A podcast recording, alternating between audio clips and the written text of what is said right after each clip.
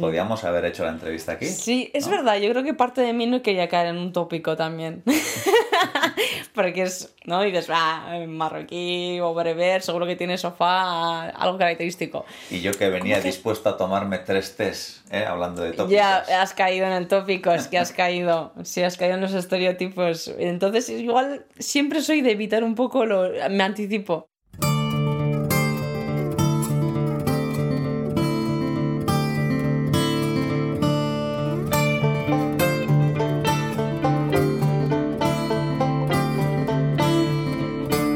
Efectivamente, la anfitriona de este capítulo de Estamos Dentro es Bereber y Eibarresa. No seré yo quien determine cuánto hay de una cosa y cuánto de la otra. Asmae, que así se llama, es joven, deportista y con una inquietud social notable. Su sueño era cambiar el mundo, pero ha llegado a la conclusión de que las injusticias como a las rivales en el rugby, también conviene placarlas de una en una. Pero eso lo descubriremos a lo largo de esta charla que mantenemos en ITV Podcast, en la que no, no me tomé tres test. Y es que no hay nada mejor para desprenderse de estereotipos y prejuicios que charlar cara a cara. ¿Con test o sin ellos? Dentro de 200 metros, gira a la derecha hacia San Juan Calea. Luego gira a la izquierda hacia Unchaga Plaza. Dirígete hacia el oeste en Mecola Calea hacia Mecola Calea. Dentro de 100 metros, gira a la derecha para continuar en Mecola Calea. Gira a la derecha para continuar en Mecola Calea. Dirígete hacia el oeste en Mecola Calea hacia Mecola Calea. Gira a la izquierda hacia Unchaga Plaza. Eibar no da segundas oportunidades. Si te equivocas en un cruce, tienes que volver a bajar hasta la casilla de salida y empezar de nuevo. Gira a la derecha hacia Ubicha Calea. Luego gira a la izquierda para continuar por Ubicha Calea. Tu destino está a la derecha. Bye. Asmae. Bye. Bye. Chaldeón.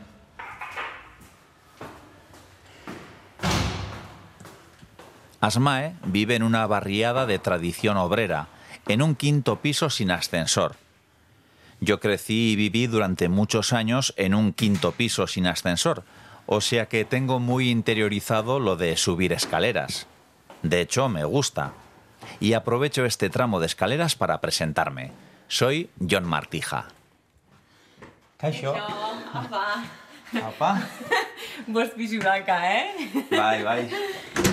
Ascensore bari... Ai, katutxo badakat. Hola. Kaixo. ¿Cómo se llama? Michi. Michi. Se llama Michi, muy original. Ana, me ha gustado tu mochila. Bueno, a ver cómo nos ponemos. Ah, No sé, ¿hay tengo que acercar o no? Un poquito, sí, sí. Bueno, más o menos a un palmo así del micrófono. Yo luego regulo, ¿eh? Vale.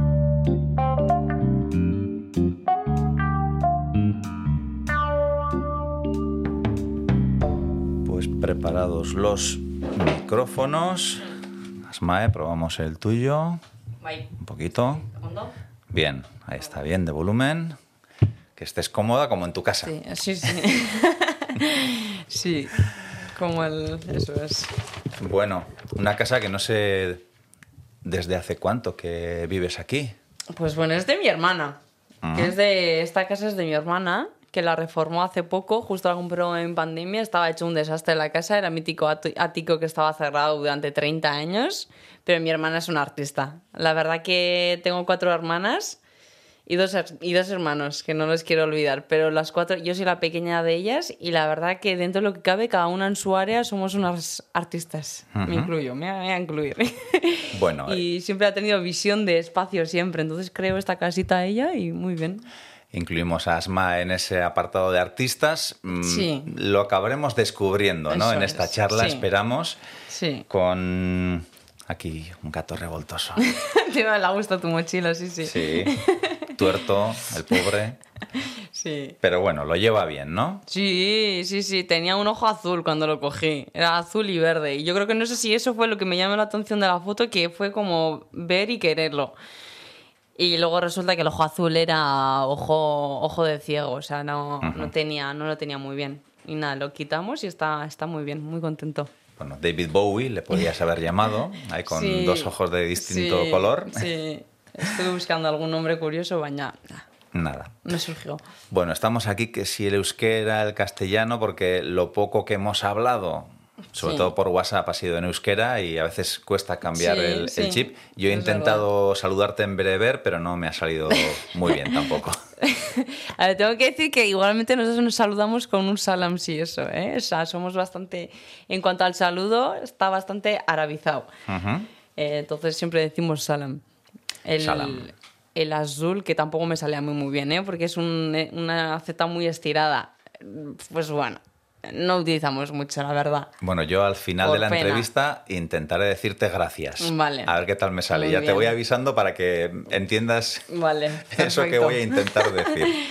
Pues. Bueno, mm, Asmae Urdi es Mm. nuestra invitada hoy en Estamos Dentro, o más bien somos nosotros eh, sus invitados, ¿no? Eso Porque nos acoge en su casa, en este pisito coqueto, así mm, abuardillado, en Eibar, que me ha costado llegar, que he dado vueltas. Ya, por- He hecho la visita sin guiar, pero la visita por todo Eibar es. hasta llegar a esta, a esta casa, en la que vamos a conocer la historia de esta joven que, bueno, empieza bastante lejos de aquí, ¿no? Mm, Cerca del, del Atlas, en Marruecos. Sí, bueno, cerca, bastante lejos del Atlas, ¿eh? Estábamos Sí. a unas 6 o 8 horas del Ah. Atlas. Sí, tirando más a cerca par de horas del desierto, de Merzuga, que no sé si, si te ha podido coincidir que has ido alguna vez o... No he bajado nunca al, ir, moro, que se dice por aquí. Tienes que ir. Eh, de hecho, hay unas líneas ahora que han hecho directas desde Bilbao a Marrakech, que vamos, están siendo los viajes románticos de las parejas ahora, de los fines. Vale, apunto, Esca- apunto. Escapadas románticas. es verdad. Eh, pero sí, eh, yo soy de la zona bereber, de, de- eso es, de la parte sur de Marruecos. Ujú. Claro, Bereber es una, una cultura, un pueblo del que creo que no conocemos demasiado, ¿no? Y de hecho Ya, aquí pues ya. tendemos marroquí Sí, y ya todos en el mismo saco. Hay ¿no? una manía en Europa en general que, bueno, digo Europa por no concretar en España, que la verdad que el resto de Euro- países de Europa no sé qué, qué opinión tienen, pero es verdad que tendemos a generalizar todo lo que es fuera de, de nuestro territorio. Bueno, que a mí me da que en África también de estos europeos así en general dirán, ¿eh? Sí, sí, seguro, fijo, fijo. Pero es verdad que hay un especial matiz con África en general. Ahí es verdad que la gente por lo general dice un país de África y tú dices, ¿cuál? Si hay, hay mil. Y tan hay- distintos. creo que hay, de hecho, cincuenta y pico, vi el dato, no te puedo... Pero, ¿no?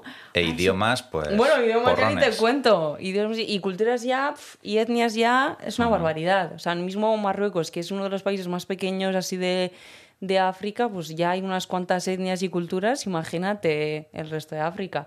Y es una pena, porque a mí, o sea, soy una apasionada de África, ¿eh? Y ya no es porque yo sea de raíces africanas, porque a mis hermanas no les apasiona tanto, por ejemplo, que esto siempre lo tengo que matizar. Por ejemplo, porque si me decían, ah, claro, pues que tú eres de ahí. Y yo, no tiene por qué. O sea, yo que sea de ahí no tiene por qué sea que me guste, ¿no? Y al igual que sí, o sea, y justo mis hermanas no les gusta. Y siempre como que tengo que matizarlo para aclarar a la otra persona de que no es porque yo sea de ahí, de nacimiento. Es como... Porque claro, es lo que dices, de ahí, bueno, de ahí, de aquí, más, de aquí que de allí, ¿no? Por eso, por eso mismamente. Pero ya, ya sabes que a la primeras a la gente, mientras no le encajes en prototipo un poco de color y nombre y apellido, ya no eres de aquí. Siempre tienden a pensar que eres más de fuera. Entonces siempre me ha gustado hacer esa aclaratoria. Yo soy mucho de hacer aclaratorias, ¿eh? Me- no sé si te vas a muy de matizar y siempre explicar bien los, los conceptos. Me gusta. Bueno, creo pues que- eso queremos, ¿eh? que si Sí. metemos la pata en algo, No, sí, sí, sí, no lo matices, lo aclares. y nosotros Sí, tenemos sí. muchas preguntas, en definitiva, ¿no? Que, Sí. que es lo que intentamos, que tú nos las respondas y de paso, una vez que te conocemos a ti, también conocemos un poquito de esos orígenes, ¿no? Que es interesante, porque de hecho te he leído por ahí alguna vez que haces un paralelismo entre el pueblo bereber y el pueblo vasco. Mm, sí, al final históricamente lo que es el lenguaje, eh, el euskera, dentro de sus historias, de dónde surge el del euskera o cómo ha podido surgir, había una teoría que la relacionaban con el bereber. Esa me acuerdo que la dimos en tercero de, de, de BH y dije yo, "Jo", me quedé así como con cara de, ah, pues pues sí. Yo creo que fue de los pocos momentos que dije como, ah, pues mira, en plan, ¿no? Tuve como, joder, hay, dos, hay algo, una teoría que no, que enlaza las dos cosas. Y me pareció bonito y curioso. Luego a la vez sí que hacía esa, esa comparativa porque porque España, ¿no? Cultura eh, mayoritaria aquí y vasca, que es tal pequeña. Y justo en Marruecos pasa lo mismo. Está lo que es el árabe, eh, el, los marroquíes y luego estamos los bereberes, como no, esas dos cositas que, que, están unidas. Que el paraje es muy diferente, aquí es todo verde y ahí es todo desierto, pero dentro de lo que cabe encontraba un hilito que les unía. Allí las montañas son de arena. En las montañas son de arena y de piedra. Sí, muy bonitas, muy bonitas también. Bueno, Asmae, has dicho DBH, ¿no? Cuando estudiabas DBH, de rigorrezco bigarren hezkuntza, educación secundaria obligatoria, eh, tú estudiaste en euskera, sí, ni castola, sí, sí, desde el inicio, la sí, total. Vaya, vaya, vaya, vaya, escuela engañera. Eh, yo vine, pues eso, con 5 o 6 años. Me acuerdo que empecé lo que es el curso en, en mi pueblo, porque yo vivía en un pueblo. Ahí, bueno, ahí un poco se estilaba para que hagas así una imagen, eran casas grandes con sus terrenos de cultivo. Entonces Ajá. había en mi pueblo, eran seis o ocho casas éramos, y luego al lado ya estaba el pueblo grande. Entonces justo habíamos empezado lo que era el primero de primaria, porque ahí no había mm, preescolar o abre, escuela. Pues justo me acuerdo que empezamos, estuve yendo un mes y medio y ya, pues bueno, tú, eh, venimos aquí. Porque mi padre había venido tres años antes y había conseguido hacer la reagrupación familiar. Y nada, me acuerdo el primer año que vine fue en primero de primaria y directa a euskera. O sea, es que al final lo bonito de los críos, cuando somos críos y crías, es que absorbemos como esponjas. Ajá. Y ya absorbí el euskera y el entorno, vamos, como... ft. Y, me acuerdo que luego al año nos mudamos a este barrio, o sea, yo vivía en otro barrio, bueno, nos mudamos a este, con lo que empecé en otra escuela de aquí y yo solo sabía hablar euskera. Es que no, me hablaban en castellano y era como... contestaban en euskera. Entonces sí que sí que eso que al final eh, es muy importante no decir que muchas veces pensamos jo es que los estos que vienen no sé qué eh, no se adaptan no está no o sea lo cierto es que el sistema mismo te acaba adaptando no lo que es a, a la cultura local o al sistema local o al idioma local El bereber, que es un pueblo de tradición nómada. Sí, sí, sí, sí. Sí, es verdad que con los años he ido apreciándolo más, ¿eh? Porque siempre surge esa cosa de renegar un poco de tus orígenes, eh, luego lo acabas aceptando y luego otra vez no, y no, pasan todas esas fases, pasa una persona que, bueno, que vive entre lo que es las dos, un poco, no dos culturas, pero entre las dos entidades, ¿no? Entonces sí que en su momento un poco renegué de ella o no quise saber mucho más de ella.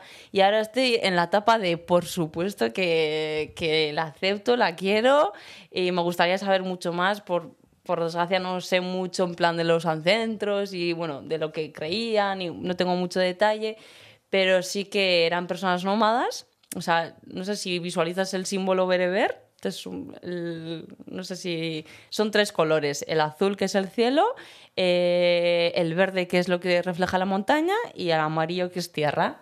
Y ahí como el vocal, que es Tifinag, que es el que conecta a las tres, eh, los tres espacios. Eso significa hombre libre, digamos. Eh, así, la bandera significa eso. Eran, eso, eran nómadas, creían en la vida pues no tenían una región determinada hasta que bueno hasta que entraron los árabes y con ello les impusieron el musulmán la religión musulmana y se fincaron en algún lado porque antes eran eso nómadas y, y eso hasta ahora O sea que ahora estás en una fase de bereber naiz eta harro nago.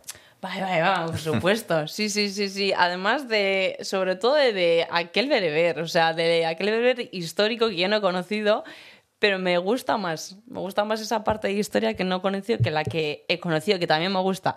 Pero me gusta más pensar que eran de, de personas libres que tenían su propia fe, que se mudaban de un sitio a otro según las necesidades de sus, eh, de sus animales y, y tal. Sí, me conecta más con eso que con el actual. Sí, es curioso. Asmae eh, ha jugado en la selección española de rugby, en la de Euskadi creo que también, pero imagínate, ¿no? En una disyuntiva en la que hubiera mm, selección bereber y, y selección de Euskadi, ¿con cuál nos quedamos? te quieren las dos. A ver, es complejo. A ver, es complejo.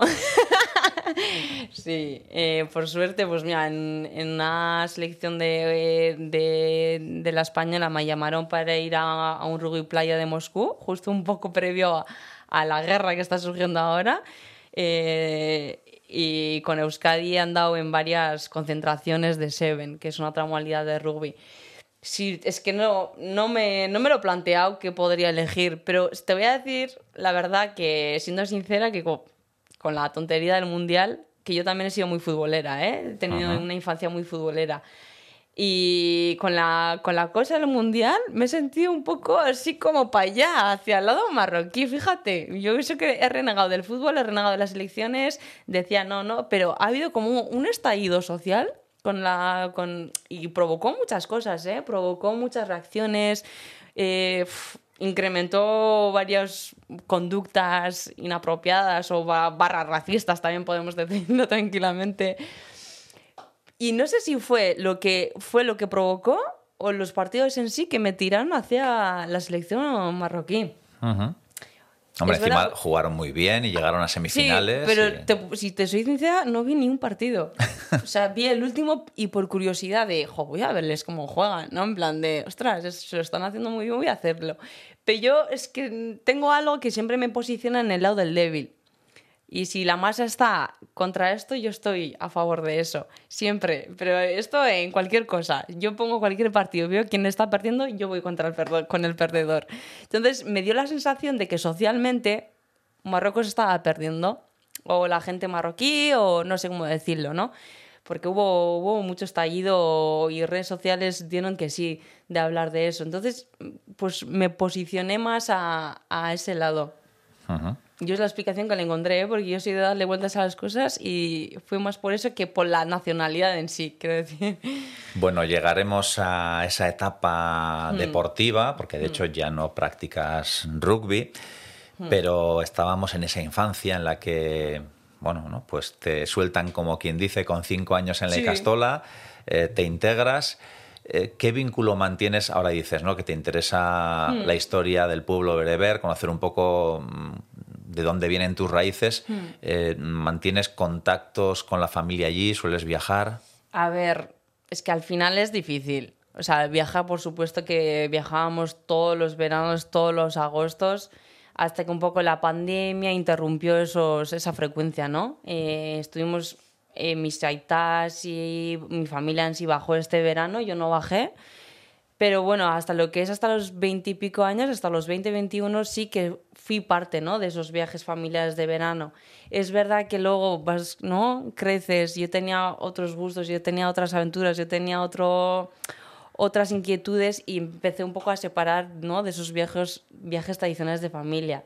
Y lo he hecho mucho de menos, ¿eh? Y este año he dicho, voy a bajar y voy a estar con la familia.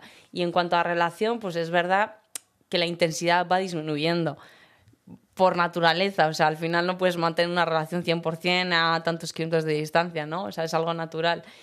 Eh, pero sí, o sea, lo que es toda la familia tenemos ahí, aquí tendremos algún par de...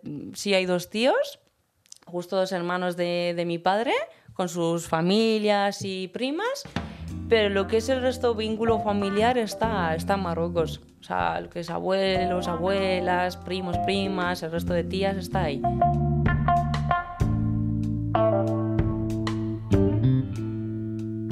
Más allá de la inmersión absoluta en un nuevo país y una nueva cultura, en ese momento en la infancia de Asmae se dio otro acontecimiento crucial, ya que hasta entonces Asmae no había conocido a su padre. La verdad que con mi padre fue curioso, ¿eh? porque cuando yo nací, él no estaba. Él ya había iniciado su proceso eh, migratorio.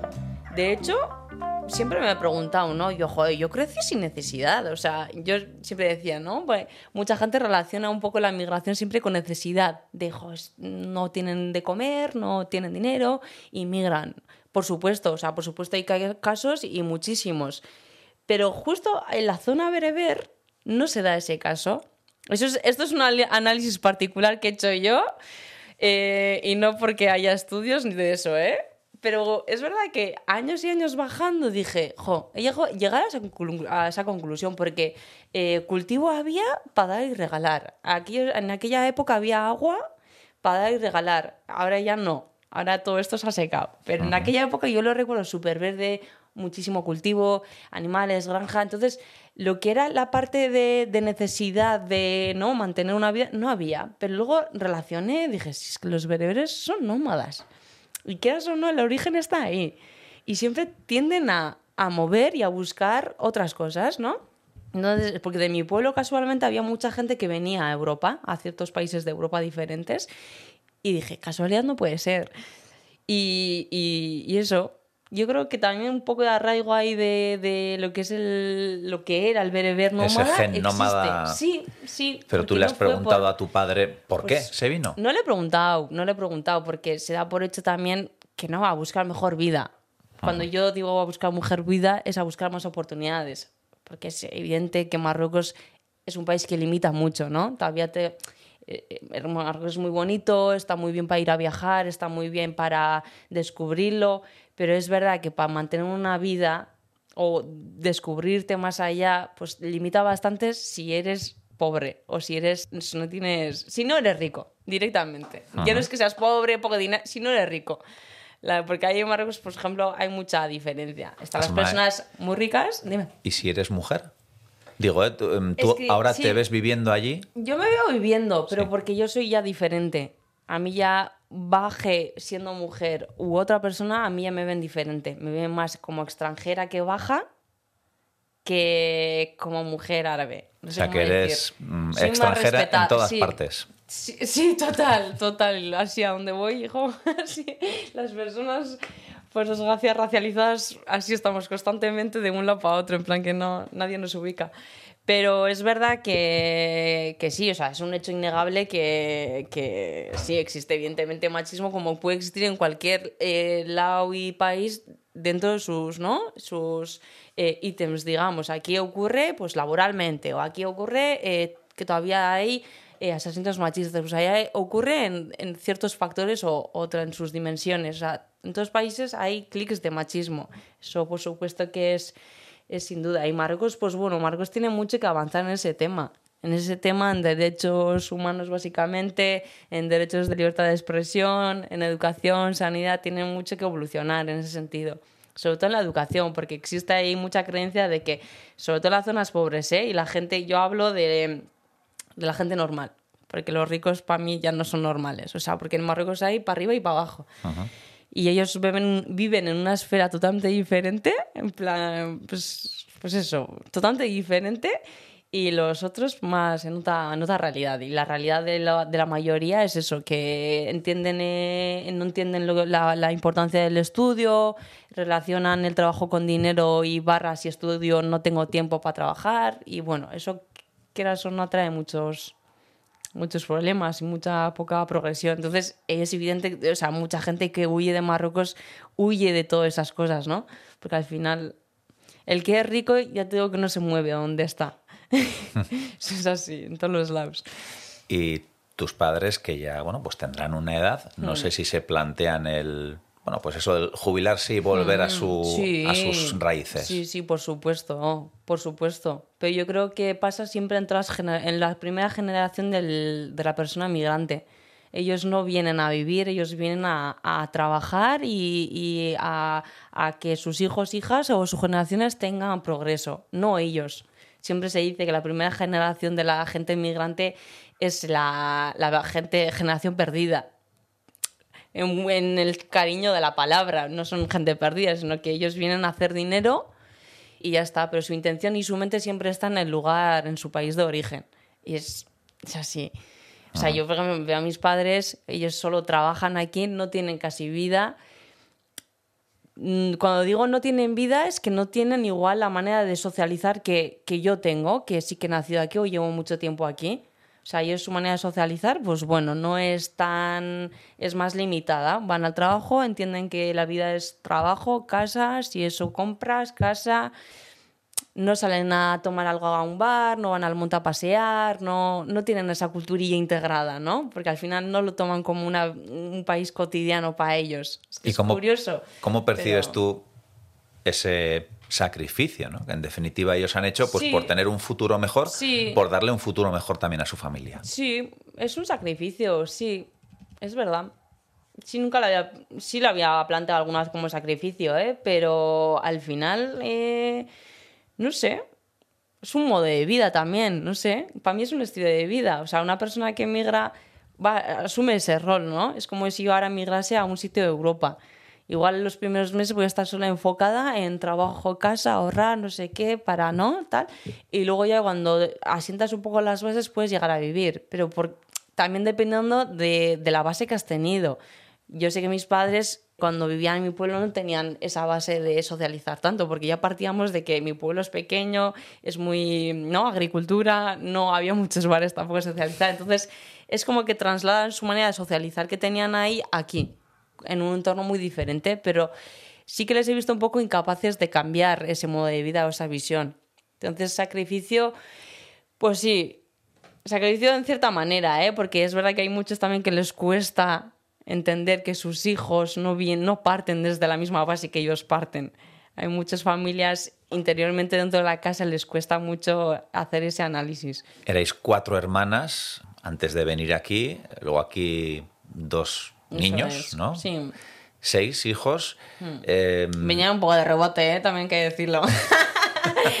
Porque todas las hermanas nos llevamos dos años, justo, ¿eh? dos años medido. Y de repente a los 10 años toma uno. Y a los otros nueve o así, a otro. Y era como, bueno. bueno, yo voy a Pero reivindicar. pasa nada, es queremos, es queremos. Voy a reivindicar a los hijos de rebote porque mi hermano me lleva Sí. ocho años y mi Ah, hermana sí. 11, o sea que no pasa nada. ¿eh? No pasa nada. También tenemos derecho a pasa existir. nada. Por supuesto. Pues entonces casi habéis sido como hermanas mayores barra madre en algún caso, ¿no? Sí, sí, sí, sí. Además, lo, en mi caso particular es, bueno, es curioso porque justo la hermana mayor, tengo una hermana mayor que es la, pues la que tiene 32 años ahora, eh, es la única que está casada y tiene hijos, tiene tres. Y se casó bastante joven también y bueno, pues fueron intercalando mi hermana, mi madre. mi hermana y luego ya mi hermana. Y era como, por favor. Y yo, a mí me encantaban los niños antes, me encantaba cuidar. Y me acuerdo que pasé mucha parte de mi ado- adolescencia cuidándoles. O sea, para mí era un- como un juguete. Yo les duchaba, les ponía el pijamita, no sé qué. Claro, pasaba de uno a no a otro. Era mi hermano. Luego era mi sobrino, luego era mi hermano, y luego era tu sobrino. Y llega un momento en que en el último sobrino dije, no más, yo lo siento, pero no más. Sí. Bueno, estaba bien organizado para hacer piña entre todos y ¿no? poder sí, cuidarlos. Sí, era complejo, es complejo. Bueno.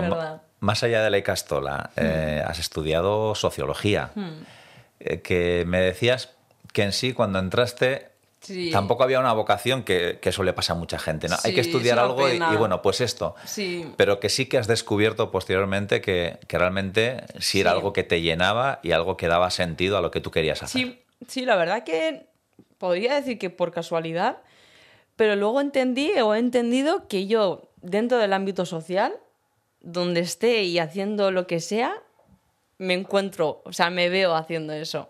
Entonces, dentro del mundo social, tanto sea interviniendo, estando con gente con necesidad, eh, en exclusión, o tanto de coordinación, o tanto de tal, en todo, en todo el ámbito me veo. Pero es verdad que me pasó con la sociología, pero pasa mucho, ¿eh? Con las edades, ahora mismo, por ejemplo, doy, eh, doy charlas de orientación a, a cuarto de la ESO, a alumnos y alumnas de cuarto de la ESO, y les hablo un poco de la realidad, ¿no? De lo que hay aquí.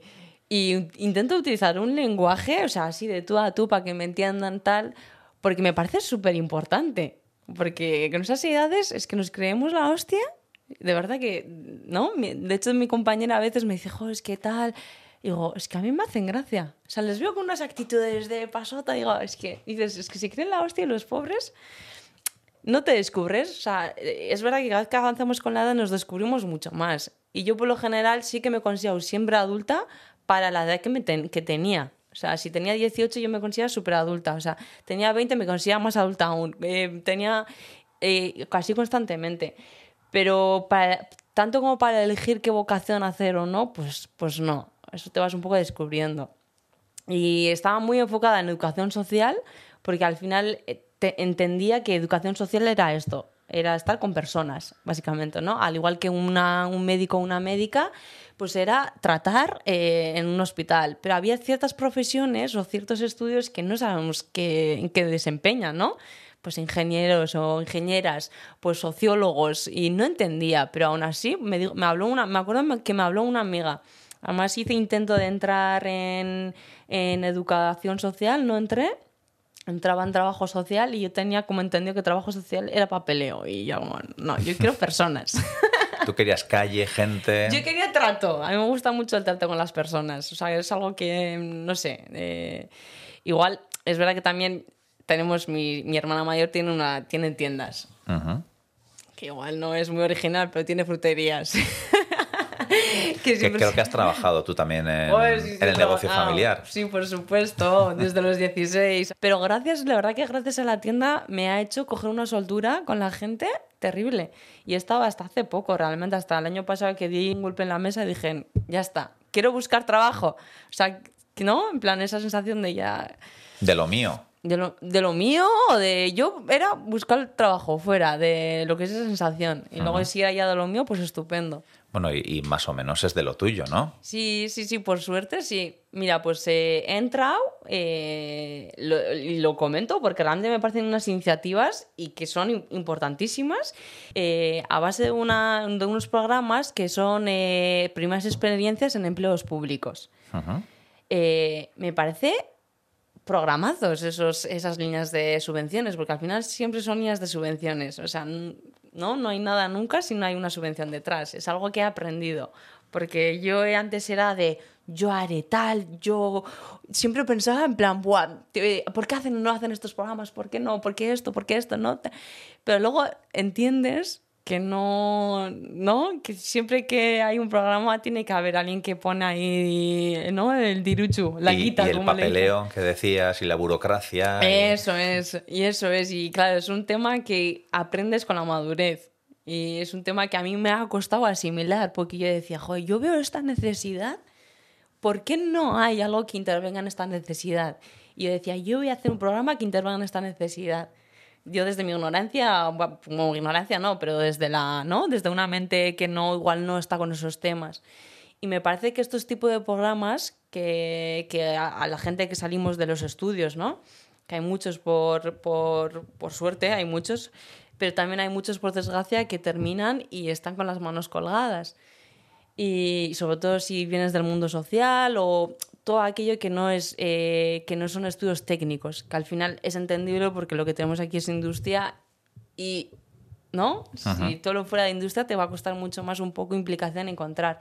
Pero gracias a este tipo de líneas de proyectos, pues hace colocar a la gente y hace, hace ¿no? Como conocer cómo funciona una administración, cómo funcionan las cosas. Y estás trabajando en Devegesa. Estoy trabajando en Vegesa, súper contenta en Eibar y es muy chulo. O sea, era una parte, por ejemplo, de, de cuando antes me habías comentado lo de sociología, luego yo entendí a lo largo del tiempo que no hay un trabajo específico para sociología, es que sociología está en todas partes, porque al final está en todo tipo, en todo tipo de trabajos, que es entender un poco el porqué de las cosas, o de la sociedad o tal. Entonces, eh, sí, ahora mismo estoy de técnica de, de empleo barra orientación laboral. Eh, y nada, bueno, llevamos ciertas líneas o ciertos programas y uno de ellos es muy chulo, que es eh, que son proyectos del Carrequín, que son bueno, ciertos programas de, para personas que están en exclusión social. Exclu- exclusión que tiene muchos significados, ¿eh? pero entendida para la gente que igual tiene dificultades de acceso laboral o que no ha tenido mucho nivel de estudio o dificultades con el idioma, bueno, un poco enfocado a ese, a ese colectivo. Ujú. Eh, no sé si, bueno, pues eh, quizás por tener los orígenes que tienes, eh, la mezcla de culturas que tienes también, bueno, pues puede ser un perfil bueno. Porque en muchos casos, por desgracia, Sí. mucha gente que, que Sí. recurre a esos servicios Es verdad, sí, pues es inmigrante y, y será mucha gente también inmigrante que vendrá de Marruecos o, o del Magreb. sí, sí, así, tal cual, es verdad, sí es así. Porque al final es verdad que el, marco así migratorio que ahora mismo hay en España está bajando un poco a la segunda generación de los migrantes. O sea, antes era eh, la primera generación, que la primera generación pues eran un poco con nivel formativo muy bajo, económicamente pues un nivel muy bajo, pues mucho arraigo al país de origen, choque cultural. Y es verdad que la segunda generación, que son hijos de la primera generación, o hijas de, por supuesto, bueno, son un poco, van mejorando esa situación, pues tienen eh, más nivel educativo, porque ya se han criado aquí o estudian aquí, mejor economía, porque sus padres han conseguido un poco tal. Y está, aunque está habiendo mucho de este segundo perfil, todavía el mayoritario es el otro, ¿no? Eh, la primera generación, o bueno, también donde hay que hacer hincapié es en la primera generación. Entonces ahí sí que encontramos, o bueno, se encuentra, y sobre todo en Eibar, Solaluz, El Goiba, lo que es de Babarrena, pues el perfil mayoritario es ese. El perfil eh, tanto mujer y, hombre, ¿eh? pues poco nivel educativo, el idioma así en casos de que vienen de África un poco escaso, un poco escaso, sí. Y claro, mm, no sé si tú puedes entender mejor esa situación, ponerte más fácil en su piel, en su, en su realidad. Sientes que por su parte también pues quizás prefieren tratar contigo que con bueno, pues alguien que, que es mucho más ajeno a sus orígenes que tú. A mí me ha pasado algo muy curioso, la verdad, que lo he pensado, no lo he verbalizado con nadie, va a ser la primera vez. exclusiva, exclusiva, Bueno, tampoco es, es algo más, no sé, más pensamiento íntimo que otra cosa, ¿eh? Por ejemplo, yo el árabe sí sé, al igual que una persona vasca, vasca, euskaldun, euskaldun, sabe el castellano, ¿no? Porque al final por inercia aprendes el castellano, tanto pues, por la calle, en, en la tele, ¿no? Por inercia se aprende un idioma muchas veces. Yo por inercia aprendí el árabe. En mi casa se habla bereber con los con, con el Aita y la ama. Es verdad que entre las hermanas ya más bien castellano. Pero bueno, lo que es el núcleo familiar hablamos bereber. Árabe, yo no lo he estudiado yo lo he adquirido, pero a base de escuchar y tal. Pero tampoco tengo tanta soltura, porque solo lo, lo hablo cuando voy a Marruecos y cuando no estoy en mi zona bereber, o sea, el resto.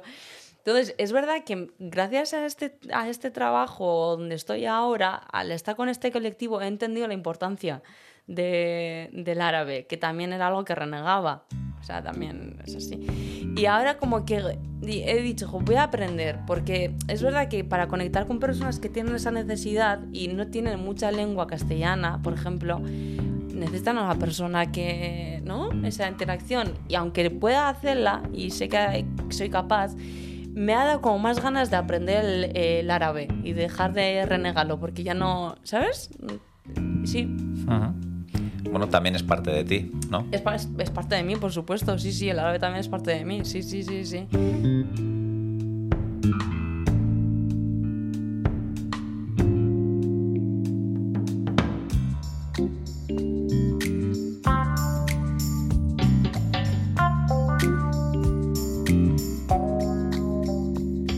Asmae siempre ha sido muy deportista y de hecho en rugby llegó a competir a un nivel muy alto, aunque descubrió ese deporte un poco tarde. Es una pena, ¿eh? porque sé que si hubiera empezado, me dan envidia, de hecho cuando veo, veía niñas eh, ¿no? de 12 años o de otras canteras jugando a rugby, decía, jo, o sea, me daban una envidia y decía, es que yo, si hubiera empezado a esa edad, ahora estaría como las All Black, como las de Nueva Zelanda, que va, es una, es una exageración, pero me daba siempre mucha envidia, porque yo lo descubrí muy tarde. Pero pasa mucho con el rugby, ¿eh? que muchos lo descubrimos tarde. O sea, yo lo descubrí en la carrera cuando tenía 21 años, creo. Y han sido 7 años, no, perdona, ¿qué digo yo? Con 19. Y han sido 7 años muy, muy, o sea, maravillosos, geniales, me han encantado. Pero antes era muy futbolera. O sea, era de fútbol que no, no veía otra cosa. De hecho, pues bueno, multiquirolas, una debió, debió verme maneras en rugby y me dijo, apúntate a rugby. Y yo era, no, no, yo fútbol, fútbol, fútbol. Bueno, en sexto de primaria.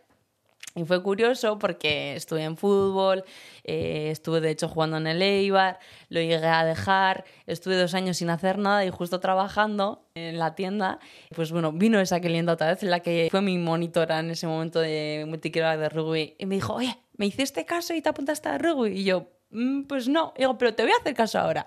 Y fue a raíz de eso que me apunté. Porque, evidentemente porque tenía ganas de hacer algo y por, porque me motivó en cierta manera ella. Y sí. Bueno, y, y no te fue nada mal, como No, decíamos. para nada. Llegaste a jugar con la selección española mm, Sí, a mí yo lo rugby llamaría ahí, 7. que parece ahí. rugby playa. Rugby playa en Moscú, o sea, tómalo. Me parece súper gracioso los rusos porque siempre montan todas esas cosas para para ganar ellos. Sí, sí, porque justo coincidió que ganaron tanto en el categoría femenino que y en el masculino. Pero quedasteis segundas, ¿no? Quedamos segundas, sí, Bueno. sí, sí. Sí, sí, quedamos segundas, pero aún así. Hombre, igual mejor no ganarles a los rusos en Rusia, que ya ves cómo se ponen, ¿eh? Sí. Bueno, pero esa etapa se cerró. Bueno, ¿eh? yo no la tengo tan cerrada, yo no la tengo tan cerrada, no, no, yo el rugby, yo, es verdad que me adapté muy fácil porque yo al final siempre he sido deportista y una persona deportista que tenga esas cuali- cualidades, lo voy a llamar cualidades, eh, pues no, se adapta fácilmente a otro tipo de deporte. Yo me adapté súper bien, era un puro nervio andante jugando, era, me podías ver aquí, que ahí, que ahí, que ahí. Eh, me llamaba, bueno, tenía un, solía destacar mucho por mis placajes, donde, ¡pum!, te baja. Contundente. Sí, la verdad que sí, también me sorprendía y dije, ¿pero dónde saco yo esta energía? Pero ahí estaba, sí, sí. Pero no la tengo cerrada. Es verdad que sufrí una lesión, no, no por rugby, sino por el, el de exceso de actividad física que tuve el año pasado, que estuve en un, bueno, estuve una época trabajando en una hostelería, luego iba al CrossFit y luego iba a entrenar y el cuerpo dijo, a ver, guapa, o sea, y además nunca he sido de apreciar el dolor, que es, es algo, un error que, que se tiene mucho. Cuando te apasiona algo mucho, es verdad que es, es mm, no ves los dolores tan, tan fácil, no los aprecias tan fácil. A mí me pasó eso, que me dolía algo y le quitaba importancia con tal de jugar. Hasta que el cuerpo dijo basta. Evidentemente, el cuerpo es una maquinaria. Te está que- avisando y hay que hacerle caso. Sí, me decían, ¿eh? El cuerpo te está avisando, te está avisando. Y yo, "Ah", yo como, "Ah, ¿qué va?". Y yo es que me podía al jugar, me podía. O sea, de verdad que me, era una cosa que no, no sé, no lo puedo explicar. O sea, me tenía que ver en ese momento, era como, no hay dolor. ¿Qué pasa? Que sí hay dolor. O sea, es, es muy importante, y esto para todo el mundo que hace deporte, es muy importante saber que sí hay dolor y es mejor parar a que vaya, vaya más. Y a mí, por desgracia, me fue un poco a más y bueno, me dio una lumbociática, que es una en la vértebra que se me fue un poco y nada, se me desgastó un poco la, lo que es la parte de esa carnecilla que tenemos entre las dos columnas de, de, la, de, de esto, bueno, me sale ahora. Sí, el disco entre las Eso vértebras. es, se me desgastó un poco y bueno, a raíz de ahí lo llevo un poco arrastrando. Pero no la tengo cerrada, la tengo medio. Cuando esté algo mejor físicamente y me vea capaz, a retomar, por supuesto. Hay una canción por ahí que dice que del deporte también se sale. Sí, pero bueno, por eso, o sea. sí, es así. el deporte es salud, en su medida, Mm. evidentemente, pero también tú le veías una perspectiva social, ¿no? Un poco Sí. vinculado a, a tus estudios Sí. que conocemos, ¿no? En- Con muchos ejemplos que el deporte también puede ser integrador. Por supuesto, por supuesto, pero vamos, a nivel, o sea, ya no hace falta ni hablar de los, del beneficio ¿no? fisiológico que te da el hacer un deporte, sino todo lo que conlleva hacer ese deporte, o sea, todo el beneficio que pueda aportar, ¿no? Tanto pues, social, que te da una entidad, te da un grupo.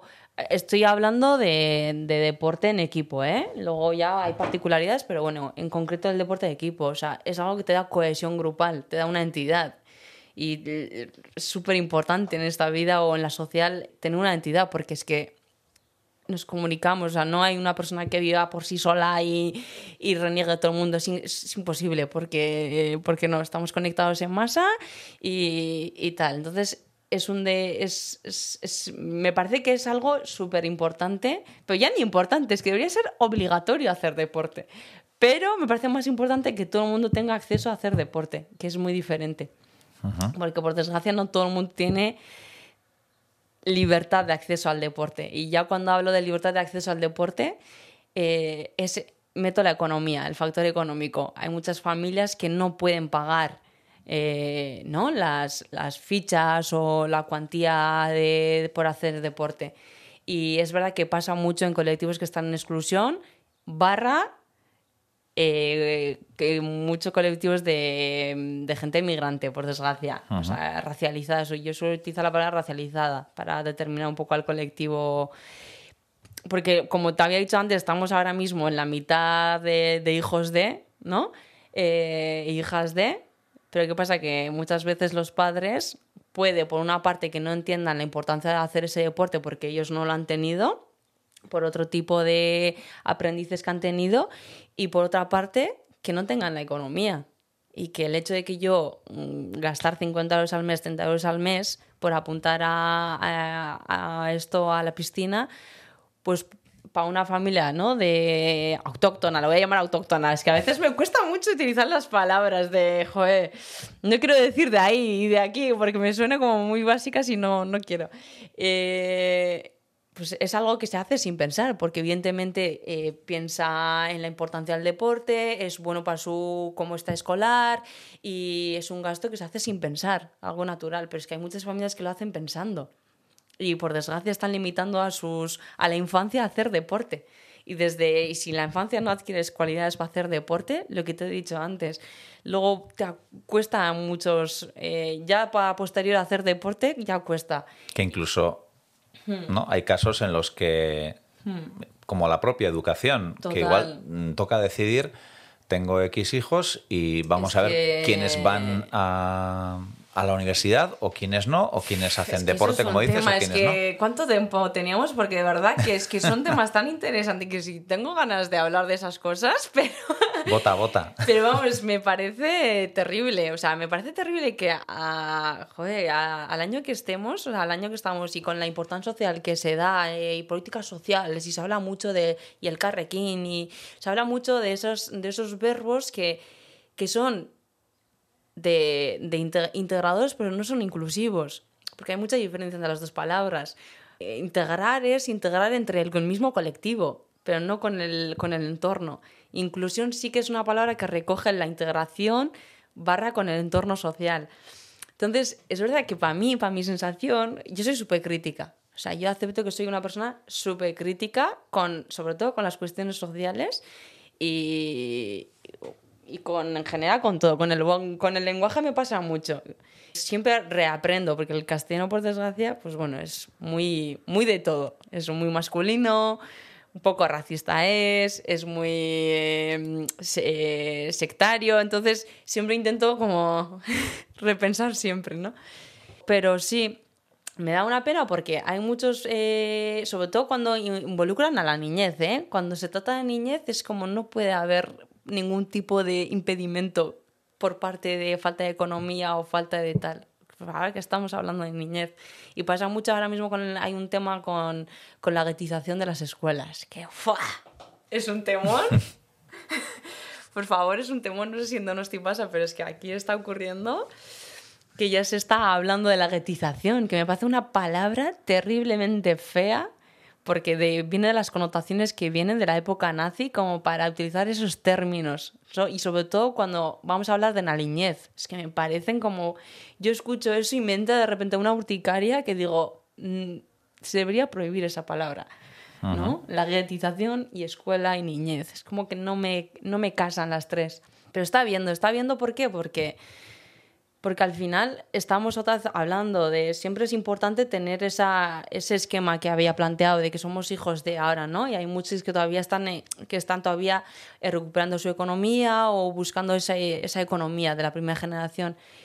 ¿Qué pasa? Que hay mucho impedimento hasta escolares, o sea, tanto para el apoyo de inglés, eh, particulares, no sé si tú has sido algún particular de chico, tus hijas o hijos, si tienes, o algún conocido, o sea natación, eh, de todo. O sea, eh, son cosas normales, pero para un cierto colectivo no tiene nada de eso.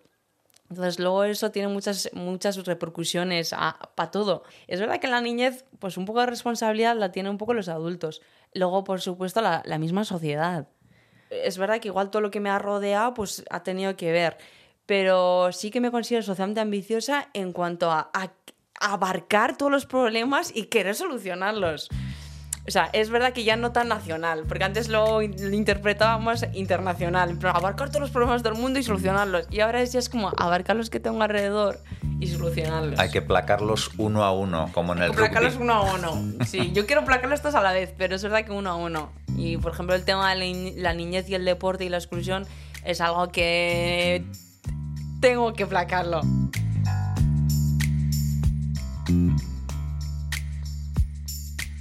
Asmae da charlas sobre inclusión y deporte por Euskadi y utiliza un curioso parámetro a través del cual poder valorar el nivel de inclusividad del municipio en cuestión. La Quirol Chartela. Me pasó una cosa súper curiosa cuando siempre voy a un municipio, porque suelen ser diferentes municipios a dar estas charlas, siempre miro la, la Quirós Chartela. No sé no sé cómo, cómo está el asunto, pero es un, un esto, un El factor precio, el coste. Ya no, también, por supuesto, pero cómo la enfocan los ¿no? desde un municipio. Porque hay muchos que, por ejemplo, eh, no, no tienen en cuenta a la gente perceptora de alguna ayuda. Entonces es, ¿eres familia? Familia, pues tal precio. Eh, persona individual, jubilado, jubilada, persona sin trabajo, o sea, eh, parado, perdón. Pero no, no, hay, no contemplan a la gente que está en, en- que te- percibe alguna ayuda, que todo lo que perciba eh, políticamente o tal, toda esa persona que percibe alguna ayuda económica del Estado está en exclusión social. O sea, en esos parámetros, para la exclusión para ellos es eso. Para mí no es solo radica en eso, porque no puedes no percibir una ayuda económica, pero tener un trabajo precario. O sea, y no poder llegar. Entonces, bueno, la exclusión es una definición amplia. Pero es verdad que, bueno, para lo político es eso. Y hay muchos que no, no tienen ese factor. No quiero decir municipios, no les quiero acusar, pero es, cuando voy sí que les acuso en el, en, en directo y momento. Pero es verdad que me coincidió en uno que fue un caso súper curioso y mm, ponía, eh, bueno, era la tasa familiar, eran 200 y pico euros, la individual era ciento y pico, y abonados para que, bueno, eh, subvencionado para aquellas personas que tenían alguna percepción, eh, percibían alguna ayuda, cualquiera, un 70% de bonificación, pero solo hasta las 3 de la tarde. Yo decía, yo, yo no me lo creía. Y justo me coincidió esa charla que iba con esa persona que, bueno, ¿no? Un poco manejaba o tenía poder de decisión en ese... Y le dije, ¿por qué? ¿No? ¿Por qué hasta las 3? O sea, ¿no? Y ellos me dijo, me dijo, lo hemos cambiado, lo hemos cambiado a su en plan, no me eches bronca, lo hemos cambiado. Porque justo el otro día les coincidió pensando que dijeron, ellos, me- ellos tenían con la lógica de decir, claro, una persona que percibe alguna ayuda es una persona que no trabaja, por lo cual a las mañanas está libre y puede ir a hacer deporte si quiere, ¿no? Y decía, ya, ¿y si tienen hijos e hijas que estén hasta las 4? O sea, de pasar a pagar eh, 30 euros, mm, por decir, ¿eh? que no sé exacto, ya tienen que pagar 200 euros. O sea, ¿qué sentido? O sea, esa persona no puede estar formándose a la mañana o no puede estar, eh, no sé, mm, haciendo otras cosas, ¿no? Y me dijo, sí, sí, es que no, mm, no hay debate porque sí, es así. Pero son cosas que te, te demuestran la inclusión o de, de un municipio, que parece una chorrada, pero es súper importante. A Asmae, mí, claro, luego igual. ya ves que lo mío con el bereber, mm, así así, lo intento. He leído que Asmae quiere decir cielo azul con truenos. Vale, bien matizado, sí, sí, justo. Justo, porque yo pensaba que ibas a decir cielo, porque he pasado muchos años diciendo que era cielo. Ujú. y, mi- y me decían, no es cielo, es cielo eh, con truenos, un cielo que está revuelto y con truenos. Eh, ¿Tú crees que te, Usman crees que te representa? Por supuesto. O sea, Eso me parecía. No, no eh, en el sentido que se utiliza aquí tener un trueno, ¿eh? Que, que- Ah, no, no, no. Esa expresión no. Sino una persona chisposa con ganas de tal, tal, sí. Sí, sí. Además, fue, nací un día que había truenos y mi hermana mayor me dijo, vamos a llamarla, se llama Usman Ujú. en bereber. Entonces, bueno, traducción es asma. Eh, tal. Y vino de ahí mi nombre. Vale, pues yo ahora para acabar, Sí. mm, me corriges, voy a decir Tanemmirt sí. o algo así. Tan mirt. Tanmirt, Sí, eso es. que es gracias en bereber. Ahorita, os ando. Va, Asma, es que ricasco Bai, zuri. por acogernos aquí en, en tu casa Bai, bai. y, bueno, pues darnos tu visión de la vida, que, que nos ha parecido muy interesante. Me cago corta, ¿eh? ya has visto que me voy mucho por las ramas porque es como... Vale, vale. Bueno, ese Qué cielo ricasco. azul mm, tiene mucha energía. Sí. Es que ricasco. Bai, zuri. Es que ricasco. Cuando un anfitrión nos acoge en su casa, no le pedimos que nos la enseñe. Hay gente que quiere hacerlo y otros prefieren preservar su intimidad. Nosotros no forzamos nada, faltaría más. Pero cuando estaba a punto de abandonar el pequeño piso de Asmae, me enseñó una habitación. Una pequeña habitación que albergaba un gran mundo y que abrió la puerta a nuevas preguntas. Bueno, entonces, esta es la, digamos que la sala del, del Hmm. Sí, hogar. sí. ¿Cómo la has definido? ¿Cómo la has llamado? Eh, bueno, se llaman sofás marroquíes, por así, por ¿no? Característico de alguna manera. Yo creo que cualquier persona que le dices un sofá marroquí se puede imaginar que es algo recto, sin... En árabe, ¿cómo se dice? No. Ahí me has pillado. Ajano. ajano. Ajano es el sofá. Ajano, vale. La, la sala. En el árabe, la verdad que. eh, eso, está pensado al final para que entre todo tipo, o sea, eh, to- todos los que quepan, vaya, y si no caben, pues en el suelo si hace falta. Porque al final, eh, en general, la cultura marroquí es muy familiar. Entonces, ahí, por ejemplo, puedes ir a una casa y puedes encontrar tres, tres, tres salas, o sea, hasta incluso tres salas. Una sala que es para todos los días, la sala de algo invitados, pero barra familia, y la sala ya súper bonita y súper decorada, súper tal, para la gente invitados. Y puedes encontrar que no hay habitaciones, por ejemplo. Ah, En plan, es verdad, o sea, eh, puede haber tre- tres, tres eh, habitaciones para la sala, pero una habitación, que normalmente suele ser para, el para la pareja, para el matrimonio, que no, los aitas son los amas. Y los hermanos o lo que sea, dormimos, dormíamos en las salas, en el suelo y tal, porque es el espacio principal en, la- en las casas marroquíes suele ser la sala. y la casa es pequeñita, pero este espacio es Sí. indispensable, ¿no? Sí, sí, sí, sí. Sí. Es casa de mi hermana, ¿eh? Mi hermana es verdad que es bastante más tradicional que yo. O sea, también es. Y puede influenciar a que haya, ella haya tenido este tipo de eh, sala. Y en esa casa que Ya. estás haciendo, ¿vas Sabía a que- tener una sala como esta? Sabía que ibas a ir por ahí, ¿eh?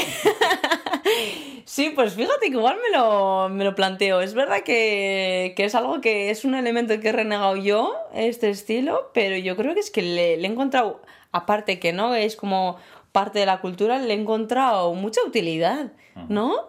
Tienes sitio para tumbarte, no hace falta que sea de plazas y que sean dos y ahí no te puedas tumbar y te quedas ahí. Eh, está al final este tipo de salas que son lisas, no entiende de, de plazas. Para Está- familia y amigos también. Sí, por supuesto, por supuesto. Sí, en, digamos, la sala más europea, pues Hmm. igual está el, el sofá, el tresillo, pues sí que suena es. como un, un sofá, el sofá de la ITA. Sí, el, sí, ¿no? Aquí Sí. es más democrático, No, todos más o menos tienen el es- mismo sitio. Sí, sí, sí. Aquí sí. Por lo general suele ser todo, o sea, la misma jerarquía, o sea, no hay arriba abajo. ¿Hay sitio de la ITA o no? Eh, a ver, luego es verdad que siempre tienes tu sitio favorito. Me acuerdo en mi casa de mi casa de eh, mi casa de, de la familia, pues el Aita tenía su sitio, al igual que la ama, justo su choquito, y cada uno tenía ahí su choquito. Pero bueno, sí, yo creo que es pasan todas. Pero lo que es el nivel de la jerarquía, igual. Un sofá corrido Un sofá para corrido. todos. Movilidad. Asmae, Sí. hemos hecho la entrevista en la cocina. Sí. Es un piso muy pequeñito Ya. y de hecho ya me iba a ir, llevábamos un rato hablando con el micrófono apagado Es y me lo has enseñado así como casi de refilón. Es verdad, sí. Sí, que sí. podíamos haber hecho la entrevista aquí. Sí, es ¿no? verdad, yo creo que parte de mí no quería caer en un tópico también. Porque es, ¿no? Y dices, ah, marroquí o bereber, seguro que tiene sofá, algo característico. Y yo que venía ¿Cómo que- dispuesto a tomarme tres test, ¿eh? hablando de tópicos. Ya has caído en el tópico, es que has caído, sí, has caído en los estereotipos. Entonces, igual siempre soy de evitar un poco lo... Me anticipo. Soy una persona que se anticipa a, a los posibles comentarios, su pensamiento y sobre todo a romper el, el, el estereotipo. O sea, podía haber hecho queriendo quitar el sofá y poner uno de tres plazas. Si lo hubiera tenido, lo hubiera hecho, ¿eh? Solo con tal de romper el estereotipo. Bueno, pues Me gusta mucho romperlo. me gusta que hayas tenido la confianza para compartirlo también, Sí, aunque sea sí, ya sí, por cuando nos supuesto. íbamos. Pero bueno, que, Por supuesto. que esto, esto también eres tú. Sí, sí, pero no lo hago por, por ocultar eh, parte de mí, ¿eh? sino lo hago muchas veces por... eh, pues no, cuando una persona viene creyendo que va a encontrar esto y yo le doy algo diferente. Esa sensación me, me causa mucho gusto. Luego ya, pues te enseño. Bueno, pues te agradezco que hayas compartido también esto con nosotros. Sí, sí, sí, sí, un placer.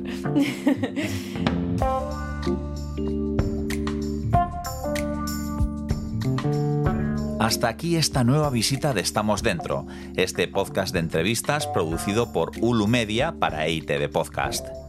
Dos micrófonos y una historia por descubrir. Esperamos que os haya gustado la de Asmae. Si es así, es probable que os interesen el resto de visitas de Estamos Dentro que podéis encontrar en vuestra plataforma de audio favorita. Si os suscribís, os avisarán puntualmente de cada nuevo capítulo. En esas mismas plataformas, incluida EIT de Podcast, podéis encontrar también Barruan Gaudé, misma fórmula, aunque en este caso en euskera, y a través del prisma de mi compañero Oyer Aranzábal. Echadle una oída, que merece la pena. Muchas gracias por vuestra compañía. Nos escuchamos en la próxima visita.